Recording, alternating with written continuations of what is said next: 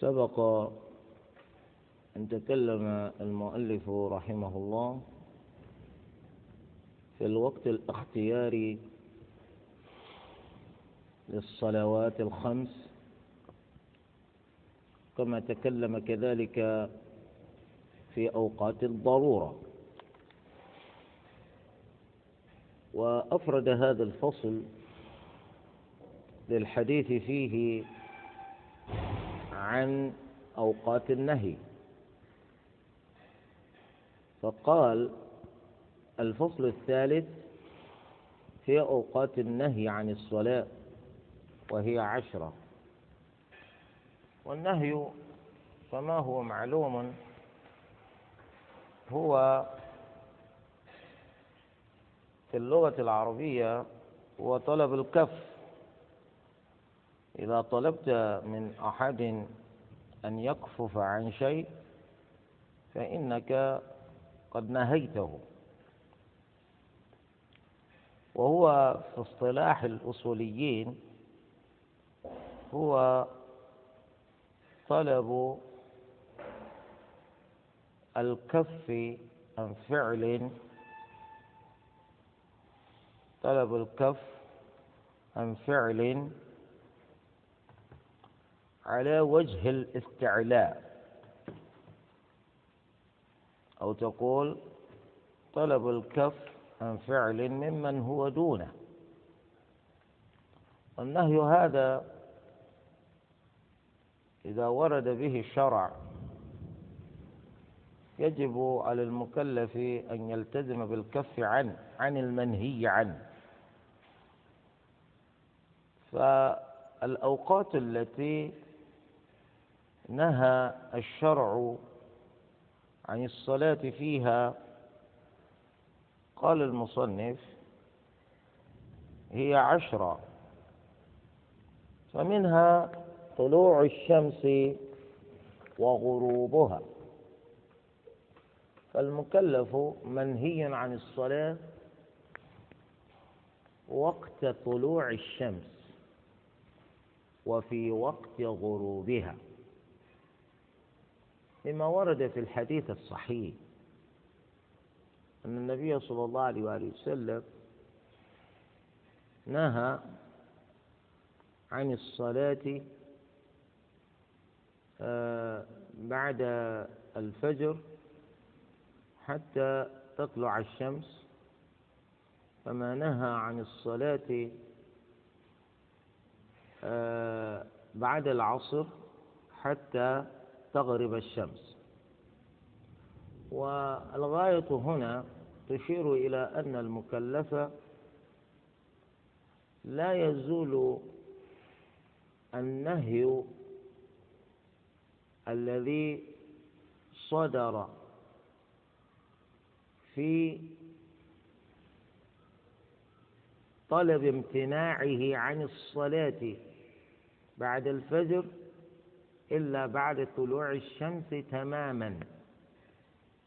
إذا طلعت الشمس وارتفعت جاز له أن يصلي بعد ذلك.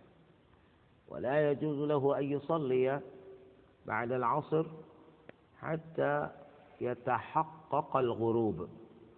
فإذا تحقق غروب الشمس جاز له أن يصلي. وجاء في حديث عن أحد صحابة النبي صلى الله عليه وآله وسلم نسيت اسمه الآن. يقول إن النبي صلى الله عليه وآله وسلم نهاهم عن الصلاة في أوقات ثلاثة وأن يقبروا فيها موتاهم. أي نهى عن الصلاة في هذه الأوقات ونهى عن تقدير الميت في تلك الأوقات. وهذه الأوقات الثلاثة آه، هي عند طلوع الشمس وعند غروب الشمس وعندما تقوم قائمة الظهيرة وقت الزوال. هذه الأوقات الثلاثة إذا انضافت إلى الوقتين اللذين ذكرناهما فيما سبق حصل عندنا خمسة أوقات. بعد الفجر حتى تطلع الشمس. بعد العصر حتى تغرب الشمس. كذلك وقت الغروب ووقت الطلوع وعند الزوال. هذه الأوقات هي الأوقات التي ورد بذكرها حديثان عن النبي صلى الله عليه وآله وسلم. آه لماذا ورد النهي عن الصلاة وقت الطلوع ووقت الغروب؟ علل الفقهاء بما ورد في ذلك من حديث عن النبي صلى الله عليه وآله وسلم أن الشمس تطلع حين تطلع وتغرب حين تغرب بين قرني الشيطان. الشيطان له قرنان. إذا أخذت الشمس في الطلوع فإن الشيطان يقف بحيث تكون الشمس بين قرنيها بين قرني. كذلك عند الغروب يقف الشيطان بحيث يكون الشمس بين قرني. وفي هذا الوقت آه، يأتي عبد عبدة الشمس الذين يعبدون الشمس من المشركين يسجدون للشمس في ذلك الوقت. وعندما يسجدون للشمس فإن الشيطان آه، يتخيل أن هؤلاء ما سجدوا في الحقيقة إلا له لأنهم وإن ظنوا أنهم بسجودهم هذا إنما يسجدون للشمس إلا أن الشيطان وقتئذ واقف بين بينهم وبين الشمس بحيث تقع الشمس بين قرني الشيطان. ومعلوم كذلك أنه ما من أناس يعبدون صنما إلا ويلازم شيطان ذلك الصنم. الشيطان الذي يلازم ذلك الصنم هو المعبود لهؤلاء الوثنيين في الحقيقة. هؤلاء المشركون في الحقيقة ما يعبدون إلا ذلك الشيطان الذي يلازم ذلك الصنم. فلأجل هذا ورد النهي عن الصلاة وقت طلوع الشمس ووقت غروبها.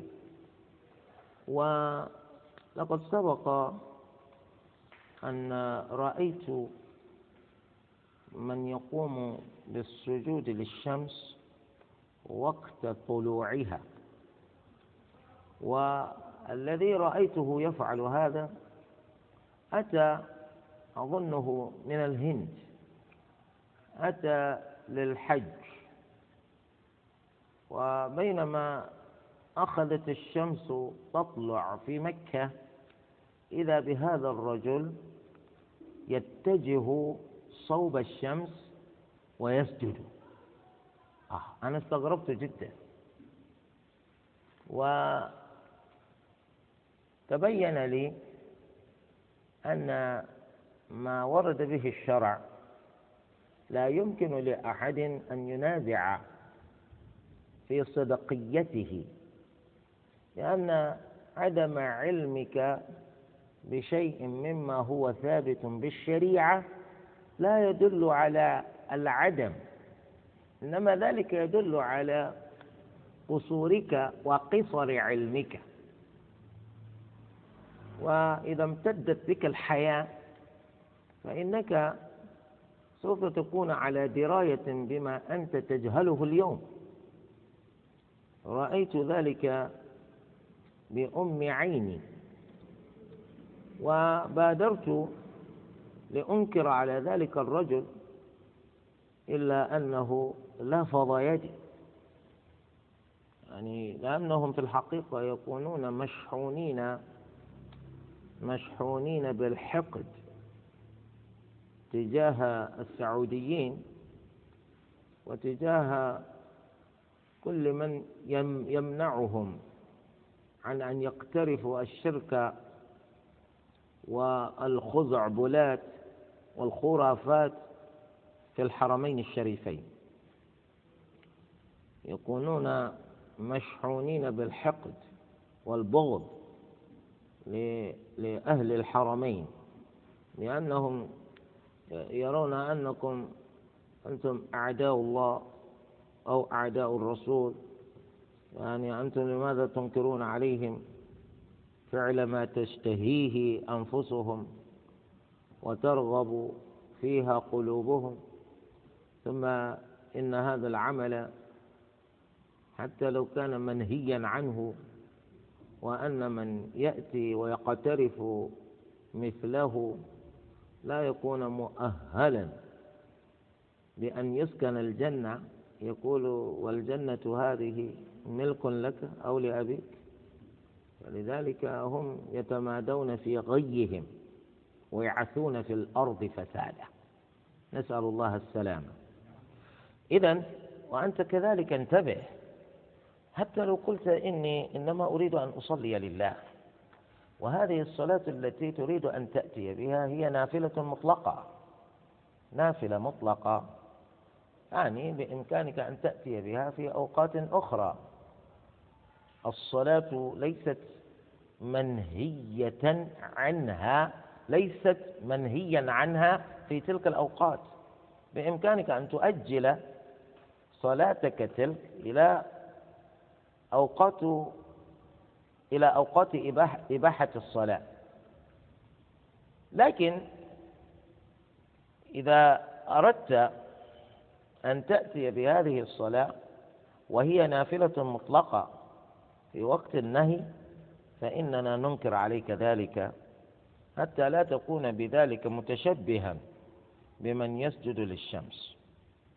حتى لا تكون متشبها بمن يسجد للشمس. وبعد الصبح إلى الطلوع أي نعم لما ورد في الحديث الذي سبق أن أشرت إليه أن النبي صلى الله عليه وسلم نهانا عن الصلاة بعد الصبح حتى تطلع الشمس. إذا طلعت الشمس وارتفعت قيد رمح جاز لك في ذلك الوقت أن تصلي. لكن قبل ذلك لا تصلي. امتثالا لنهي النبي صلى الله عليه وآله وسلم عن الصلاة في ذلك الوقت.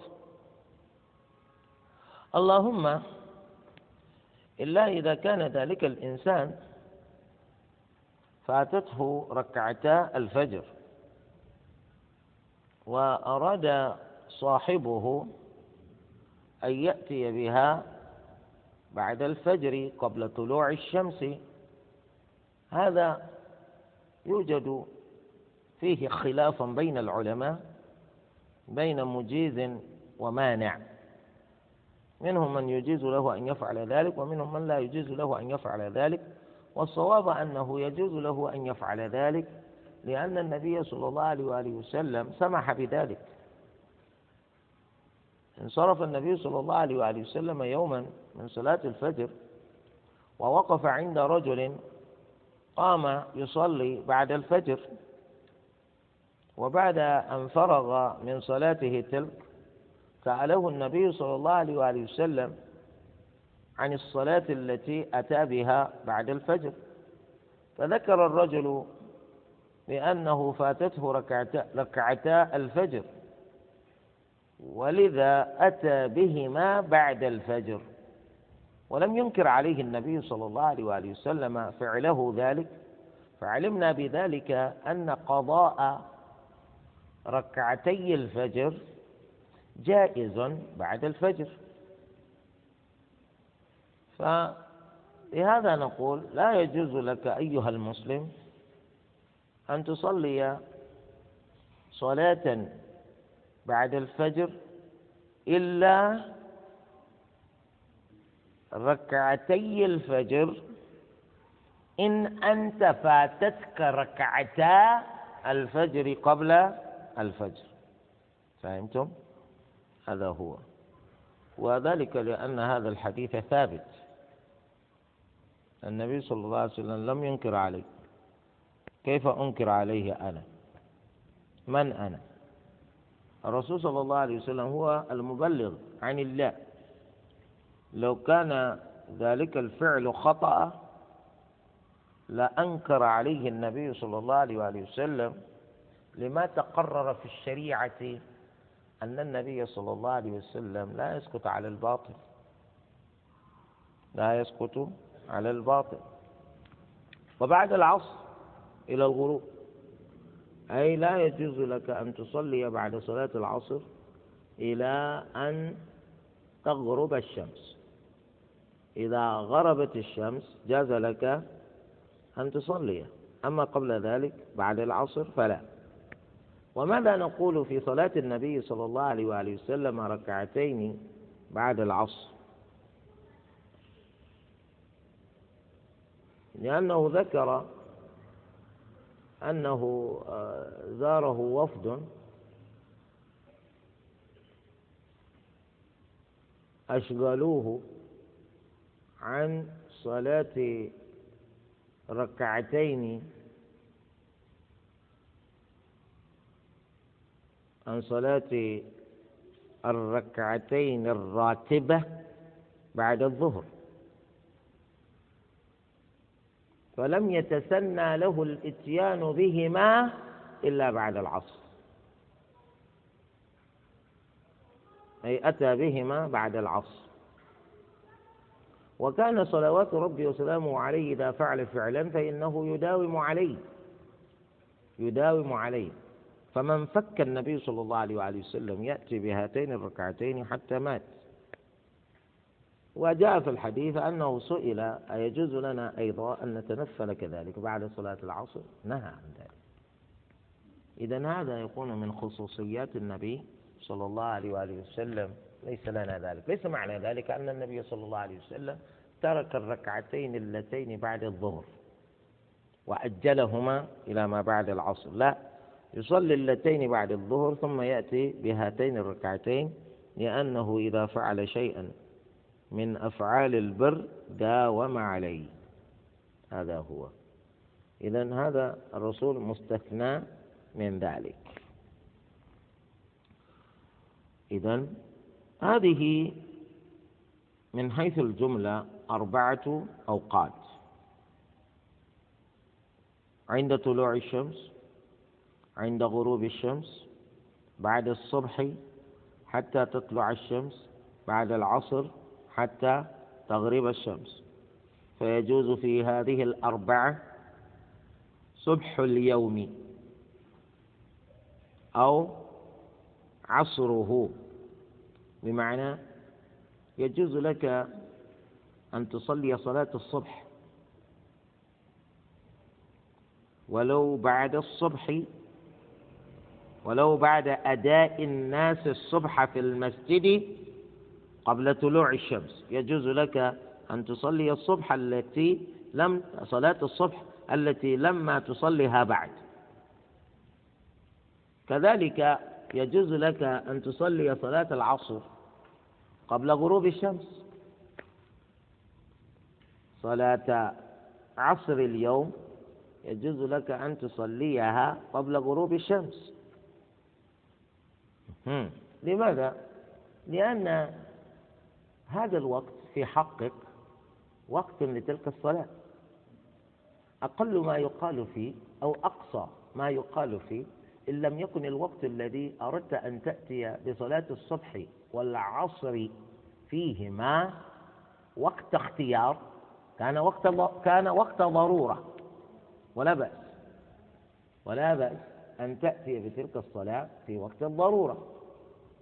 لكن حتى الوقت هذا لو كان وقت ضرورة في حق البعض فإنه قد يكون وقت أداء في حقك أنت. يعني لو نمت أو نسيت. النبي صلى الله عليه وسلم يقول من نسي صلاة من نام من نسي صلاة أو نام عنها فليصليها إذا ذكرها. فليصليها إذا ذكرها. فإنه لا كفارة له إلا ذلك. استنبط العلماء من هذا أنه وقت أن استيقظ أنه وقت أن تذكر. يعتبر ذلك الوقت وقتا لتلك الصلاة بالنسبة للناس وبالنسبة للنائم. هذا هو. فيجوز في هذه الأربعة صبح اليوم أو عصره لمن فاته إجماعا. أي لا خلاف بين العلماء أن الإنسان يأتي بصلاة الفجر آه، قبل طلوع الشمس ويأتي بصلاة العصر قبل غروب الشمس ولا يقول له قائل بأنه إنما يصلي في وقت نهي. لا يقال له أنت تصلي في وقت نهي لأن الوقت ليس وقت نهي في حقه. ويجوز قضاء الفرائض الفائت فيها وفي غيرها. أي هذه الأوقات وهي أوقات النهي يجوز للإنسان أن يقضي ما فاته من الصلوات المفروضة في هذه الأوقات. يعني أنت آه، عليك عليك صلاة العشاء وصلاة الصبح. وأنت آه، نمت عن الصلاتين وقمت من نومك بعد أداء الصلاة جماعة في المسجد وقبل طلوع الشمس بوقت. يعني فإنك تصلي صلاة العشاء التي فاتتك وتصلي الفجر التي فاتتك فهمتم؟ أي يجوز للإنسان المسلم أن يأتي بالصلوات المفروضات قضاء في أي وقت قضاء في أي وقت لأنه القضاء هذا آه، لا لا لا لا لا لا, لا علاقة له بالنهي عن الصلاة في وقت من الأوقات. يعني أنت تقضي في أي وقت لأن ذمتك لن تبرأ إلا بقضاء تلك الصلاة. ولأن النبي صلى الله عليه وسلم يقول من نام عن صلاة أو نسيها فليصليها. إذا إذا في أي وقت؟ إذا ذكرها في أي وقت من الأوقات. فقضاء الفوائد من الصلوات المفروضة ليس مقيدا بوقت دون وقت يجوز لك أن تقضي ما عليك من الفوائد في أي وقت. فهمتم؟ هذا هو. لذلك واحد الآن عليه عليه صلاة الظهر وصلاة العصر. وهو يقول أنا أنتظر غروب الشمس قبل أن أصلي. يا أخي اذهب وصلي الآن. اذهب وصلي الآن. لا كفارة لك لا كفارة لك إلا أن تصلي الآن. هذا هو. خلافا لأبي حنيفة. أي الإمام أبو حنيفة يرى أن النهي عن صلاة نهي عن غيرها. فهمتم؟ النهي عن عن عن النوافل المطلقة. على ما تقولون أنتم؟ نهي عن قضاء الفوائت من الصلوات المفروضات لأن النهي ورد مطلقا ولا يمكن تقييده بمثل هكذا المقيدات التي تلجؤون إلى تفعيلها. لذلك نحن نقول النهي ورد فعلى المكلف أن يكف عن الصلاة في هذه الأوقات حتى تزول هذه الأوقات. فإذا زالت هذه الأوقات جاز له أن يصلي أية صلاة يريد.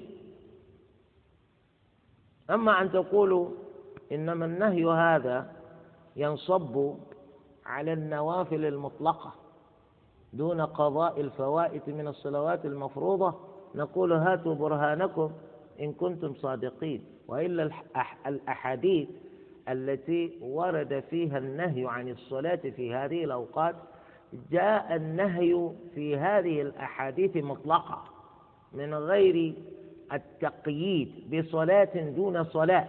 وما جاء مطلقا فإنه يف فإنه يعمل على سبيل ما أتى به من إطلاق. لا نقيده إلا بدليل. أو لا يقال فيه دليل. الدليل يقيد النبي صلى الله عليه وآله وسلم يقول من نام عن صلاة أو نسيها فليصليها إذا ذكرها إذا ذكرها.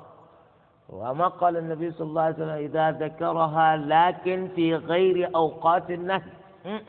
إذا ذكرها أي المكلف منهي عن الصلوات في بعض الأوقات إلا أن تكون تلك الصلوات فوائت من المفروضات لما يصليها المكلف. إذا كانت فوائت من المفروضات التي لم يصليها المكلف يصليها في أي وقت. فهمتم؟ لأن المطلق يحمل على المقيد. هذا مطلق هذا مقيد هذا يقول في أي وقت.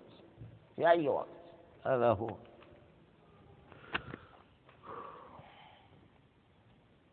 فعموم الصلاة الذي في الأحاديث التي ورد فيها النهي عن الصلاة في بعض الأوقات مخصصة بعموم الوقت المذكور في الأحاديث التي تأمر بقضاء الفوائت متى ما ذكرها المصل ما ذكرها المكلف فهمتم؟ هذا العموم مخصص بخصوص هذا فهمتم؟ عموم الموجود هنا مخصص بالخصوص الموجود هنا والعموم الموجود في هذا مخصص بالخصوص الموجود في هذا.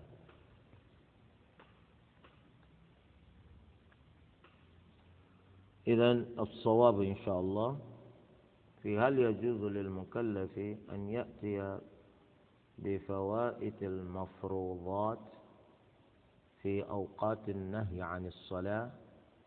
الصواب والعلم عند الله ما ذهب إليه جمهور الفقهاء من المالكية والشافعية والحنابلة أنه يجوز للمكلف قضاء الفوائد من المفروضات في أي وقت لعموم قول النبي صلى الله عليه وآله وسلم فليصليها إذا ذكرها من غير تقييده بوقت دون وقت.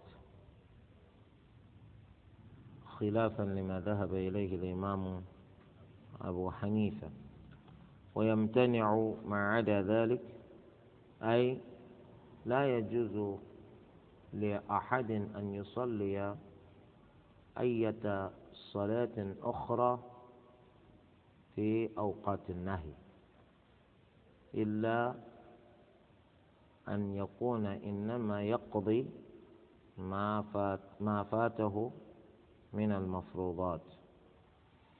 هذا هو المذهب عند المالكية لأنه يجوز في المذهب الصلاة على الجنائز بعد الصبح ما لم يصفر. طبعا هو هذا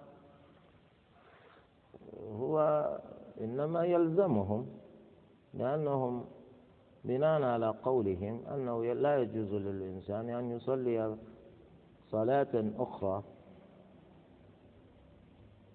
غير قضاء الفوائد في هذه الأوقات. ولماذا جاز له أن يصلي صلاة الجنازة بعد الفجر قبل الإسفرار قبل الإسفار. قبل الإسفار.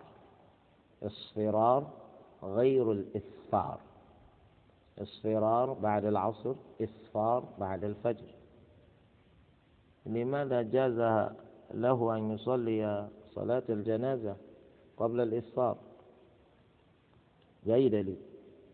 أليس النهي عن الصلاة بعد الفجر حتى تطلع الشمس شاملا لهذا كذلك؟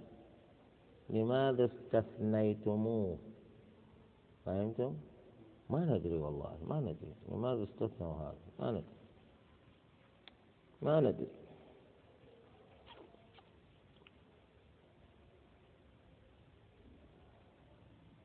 وبعد العصر ما لم تصفر تصفر هذا الإصفرار إصفرار. أي لم يصر لون السماء أصفر. أصفر أما الإصفار إصفار أي أن يكون الضوء أن يكون الضوء الضياء. قد ملأ الأفق قبل طلوع الشمس. هذا يقول له الإسفار أن يكون الضوء الضياء. قد ملك قد ملأ الآفاق قبل طلوع الشمس. على أي حال وكذلك سجود القرآن في المدونة أي يجوز له أن يسجد للتلاوة. بعد الفجر قبل الإصفار بعد العصر قبل الإصفرار كل هذا استثنوه ما ندري بأي دليل. إنما قالوا وفاقا للشافعي. أي قلنا ذلك كما قال الإمام الشافعي. بخلاف ما في الموطأ خلافا لابن حنبل. بخلاف ما في الموطأ. أي في الموطأ يقول لا يجوز. كل هذه الصلوات صلاة الجنازة سجود التلاوة كل ذلك لا يجوز. إلا بعد أن تطلع الشمس وارتفعت وبعدها تغرب الشمس. خلافا لابن حنبل. أي ابن حنبل؟ ويقول كما يقول الشافعي. يقول كما يقول الشافعي.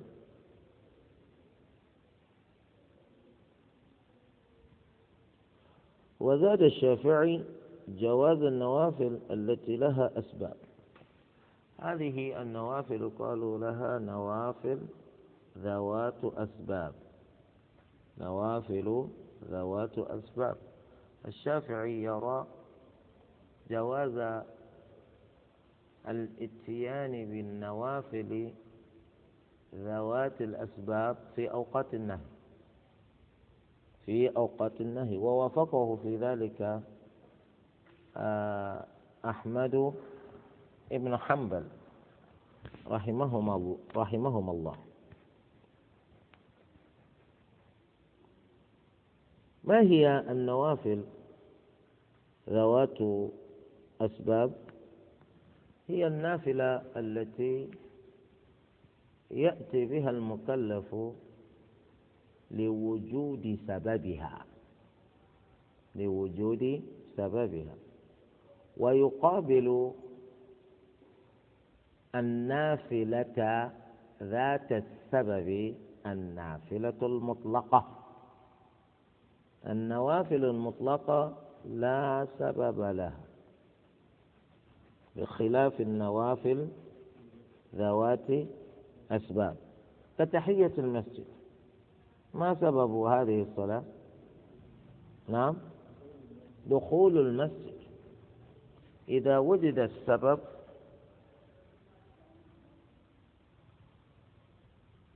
وجد المسبب. وجد السبب وهو دخول المسجد. أين المسبب؟ تحية المسجد. إذا هذه الصلاة صلاة ذات سبب. الشافعي يقول إذا كانت الصلاة بهذه المثابة صلاة ذات ذات سبب يجوز لك أن تأتي بها في أي وقت. سواء أكان ذلك ذلك الوقت وقت نهي أو غيره. لأن النبي صلى الله عليه وسلم يقول إذا دخل أحدكم المسجد شفت كيف؟ إذا دخل ولم يقيد ذلك بوقت. فلا يجلس حتى يصلي ركعتين. هذا مطلق كمان إذا دخل. أنا أقول إذا دخل أحدكم المسجد في غير أوقات النهي ما في شيء يقيد. والنبي صلى الله عليه وسلم الذي نهى عن الصلاة في بعض الأوقات هو الذي أطلق هنا إذا دخل أحدكم المسجد هل نحمل المطلق على المقيد هنا؟ هنا محل الخلاف. من العلماء من حمل المطلق على المقيد فقال لا تجوز صلاة تحية المسجد في وقت النهي. لأن النهي ينبغي أن يقدم على على الإباحة على الجواز. أخذا بالأحوط. كذلك ركعتي الطواف. هذه صلاة ما سببها؟ الطواف. أبدا الطواف. لأنك إذا طفت بالبيت سبعة أشواط فإنك مطالب بأن تأتي بركعتين الركعتان هاتان أو هاتان الركعتان يقال لهما ركعتا الطواف. هي صلاة ذات سبب. والنبي صلى الله عليه وسلم دعا أهل مكة ناداهم باسم قبيلته لا تمنعن أحدا طاف بهذا البيت. في أي وقت من أوقات الليل أو النهار أن يصلي بعد طوافه. هذا يدل على أن تحية المسجد صلاة ذات سبب. أجاز النبي صلى الله عليه وسلم في هذا الحديث لمن أتى بالطواف أن يأتي بهما في أي وقت من الليل أو النهار. فاستشف الإمام الشافعي من هذا أن الصلاة إذا كانت ذات سبب إذا يجوز للمكلف أن يأتي بها في أي وقت من ليل أو نهار. كذلك صلاة الإحرام. هل للإحرام صلاة؟ أنا أسأل هل للإحرام صلاة؟ في الشريعة؟ ليست للإحرام صلاة في الشريعة غاية ما تبين لنا من سنة النبي صلى الله عليه وآله وسلم أنه أحرم حين أحرم بعد الصلاة إثر صلاة أحرم ففهمنا من هذا أن الإنسان الذي أراد أن يحرم بحج أو عمرة السنة بالنسبة له أن يوقع إحرامه بعد صلاة بعد صلاة أي سواء أكانت تلك الصلاة فريضة أو نافلة أنت مطالب بأن توقع إحرامك بحج أو عمرة إثر صلاة أية صلاة؟ فعليه إذا أنت وصلت الميقات وقت إقامة صلاة مفروضة فإنك تنضم إلى الجماعة لتصلي مع الجماعة. بعد ذلك أنت تحرم بما تريد من نسك حج أو عمرة. لو كان للإحرام صلاة خاصة لما لما اقتفي بالصلاة التي أتيت بها جماعة فريضة. لقيل لك مع ذلك تأتي بركعتي الإحرام مثلا. فعلم أن المقصود أن يوقع الإنسان إحرامه بعد صلاة. لو كان الوقت الذي أتيت فيه إلى الميقات غير وقت صلاة مفروضة وأنت قد صليت المفروضة لنفرض مثلا أنك وصلت إلى الميقات في الوقت الذي بين وقت صلاتي الظهر والعصر. لقد مضى مضت صلاة العصر ولما تدخل صلاة العصر. وأنت اغتسلت أردت أن تحرم. هنا نقول لك توضأت لك أن تأتي بنافلة. هي سنة الوضوء. أو تأتي بنافلة هي تحية المسجد. إذا كنت إنما تريد أن تصلي داخل المسجد أما أن تقول هذه الصلاة صلاة الإحرام هذا يحتاج إلى دليل. فهمتم؟ هذا هو. لذلك المثال الذي ذكره هنا والإحرام لا معنى له. لأنه ما عهدنا في الشريعة أن للإحرام صلاة خاصة به فإنما الذي علمنا من السنة أن نبينا محمدا صلى الله عليه وآله وسلم أحرم بعد صلاة. وهذه الصلاة لم توصف لأنها صلاة الإحرام. ولا سبيل لنا إلى أن نقول في ذلك برأينا. فنقول إذن على ذلك لا بد وأن ينشئ الإنسان ركعتي الإحرام قبل أن يحرم. نقول لا ما علمنا الصلاة التي صلاها النبي صلى الله عليه وسلم قبل إحرامه. ما علمناها صلاة إحرام. إنما علمنا أنه أحرم بعد صلاة. هذا هو. إذا الصواب إن شاء الله أن نقول يجوز للمكلف أن يأتي بالنوافل ذوات الأسباب في أي وقت من الأوقات. هذا هو الصواب إن شاء الله. في أي وقت من الأوقات.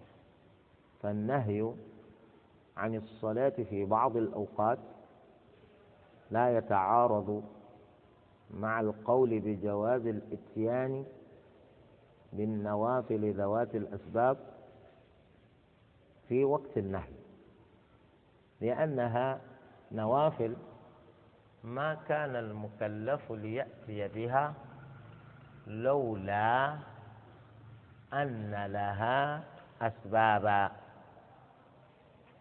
لولا أن لها أسبابا كتحية المسجد فسبب الاتيان بها دخول المسجد كركعتي الطواف سبب الاتيان بها الطواف كصلاة القصوف سبب الاتيان بها كسوف الشمس كصلاة الجنازة سبب الاتيان بها حضور الجنازة. فهمتم؟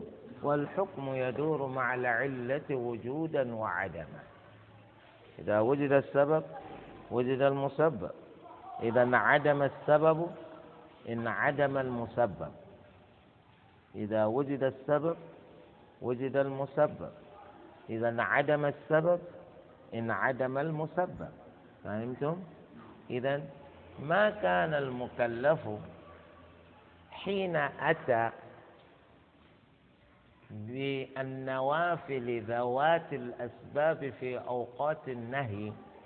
ما كان المكلف بذلك منكرا ومعارضا لذلك النهي.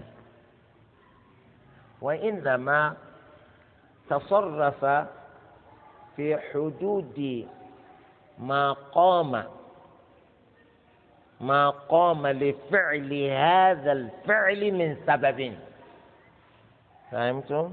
السبب هو الذي من أجله أتى بذلك الفعل. ولو أنه تعدى موضع السبب ليزيد لأنكرنا عليه. مثل الذي يدخل المسجد بعد صلاة العصر.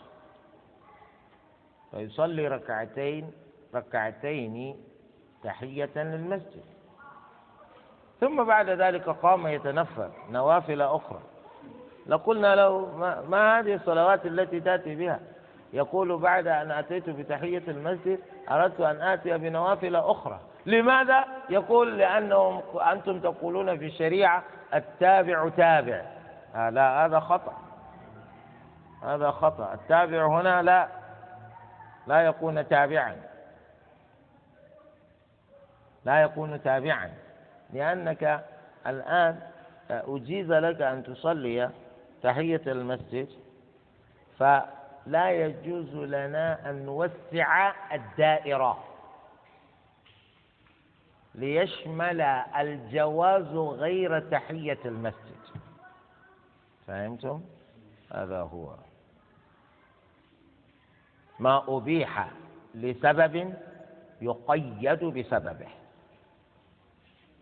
إذا أبيح الشيء لسبب فإنه يقيد بسببه. وما أبيح لسبب لم يتعدى ذلك السبب إلى غيره. هذا هو. نكتفي بهذا القدر لهذا اليوم. أو قبل ذلك. أه، لا نكتفي بهذا القدر لهذا اليوم. نسأل الله عز وجل أن يعلمنا ما جهلنا وأن يبارك لنا فيما علمنا وأن يزيدنا علما. سبحانك اللهم وبحمدك. أشهد أن لا إله إلا أنت. أستغفرك وأتوب إليك. عليكم السلام. أيمان الطلاق أي أن أن يحلف الإنسان أن يحلف الإنسان بما يوجب طلاق زوجته. يقول مثلا إن شربت من إن شربت من ال... إن شربت لبنا بعد اليوم يقول عن نفسه إن شرب اللبن بعد اليوم فزوجته طالق. هذا يقول له أيمان الطلاق.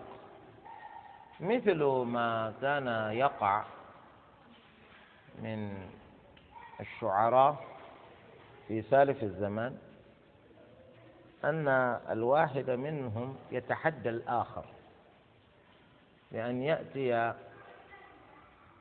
ببيت شعري. على مستوى البيت الشعري الذي يأتي به هو قوة وجزالة.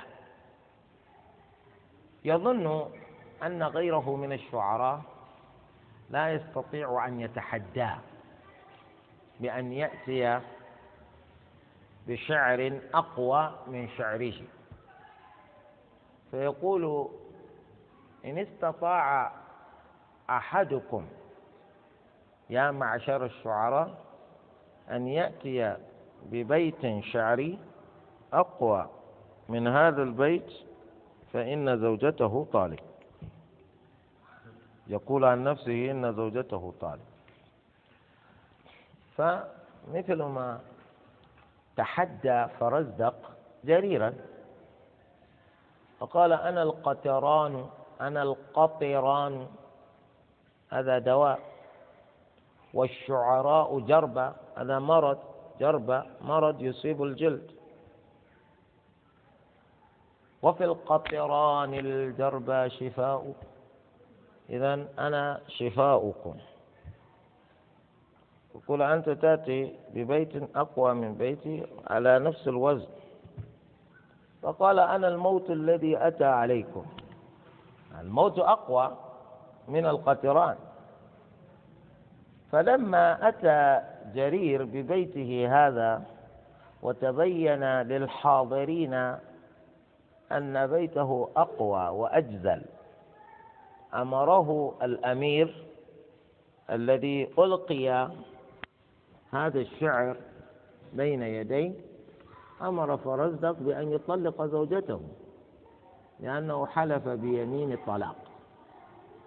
قال تطلق زوجتك.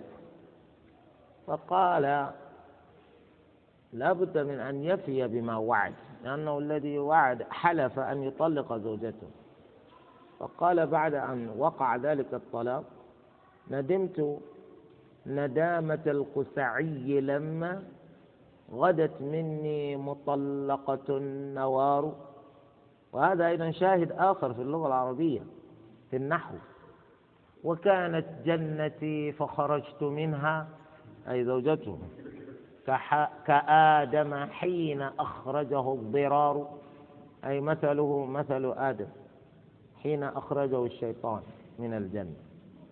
إذا هو الذي أخرج نفسه من زوجته. كان من عادة العرب أن يحلفوا بطلاق زوجته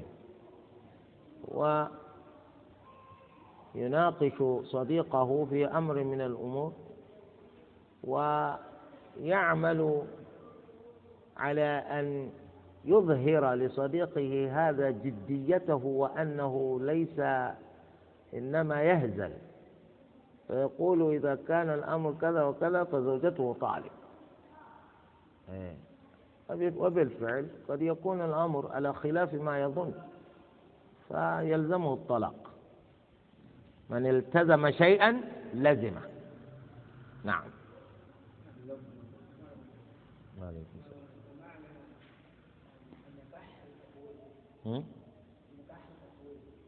نكاح وتفويض؟ ما معنى نكاح وتفويض؟ ما في نكاح اسمه نكاح تفويض. إنما تنكح المرأة على سبيل التفويض أي يفوض إليها يفوض إليها أن تقول ما تريد صداقة يقال لها في الفقه المفوضة. المرأة المفوضة. أي الرجل يقول أذكري ماذا تريدين صداقا فأنا سأستجيب. هذه قد لا تبت في أمرها شيئا حتى يموت الرجل. هي لا تدري ماذا أريد أريد كذا أو أريد كذا فيموت الرجل. فإذا مات الرجل فإننا نقدر لها صداق المثل. تأخذ صداق مثلها. نعم.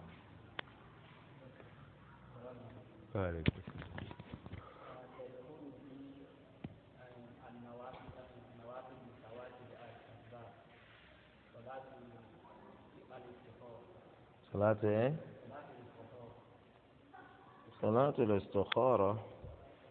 هي طبعا إذا كان لك إذا أنت هممت بفعل شيء لك أن تأتي بركعتين في أي وقت لأنه له سبب لأن له سببا.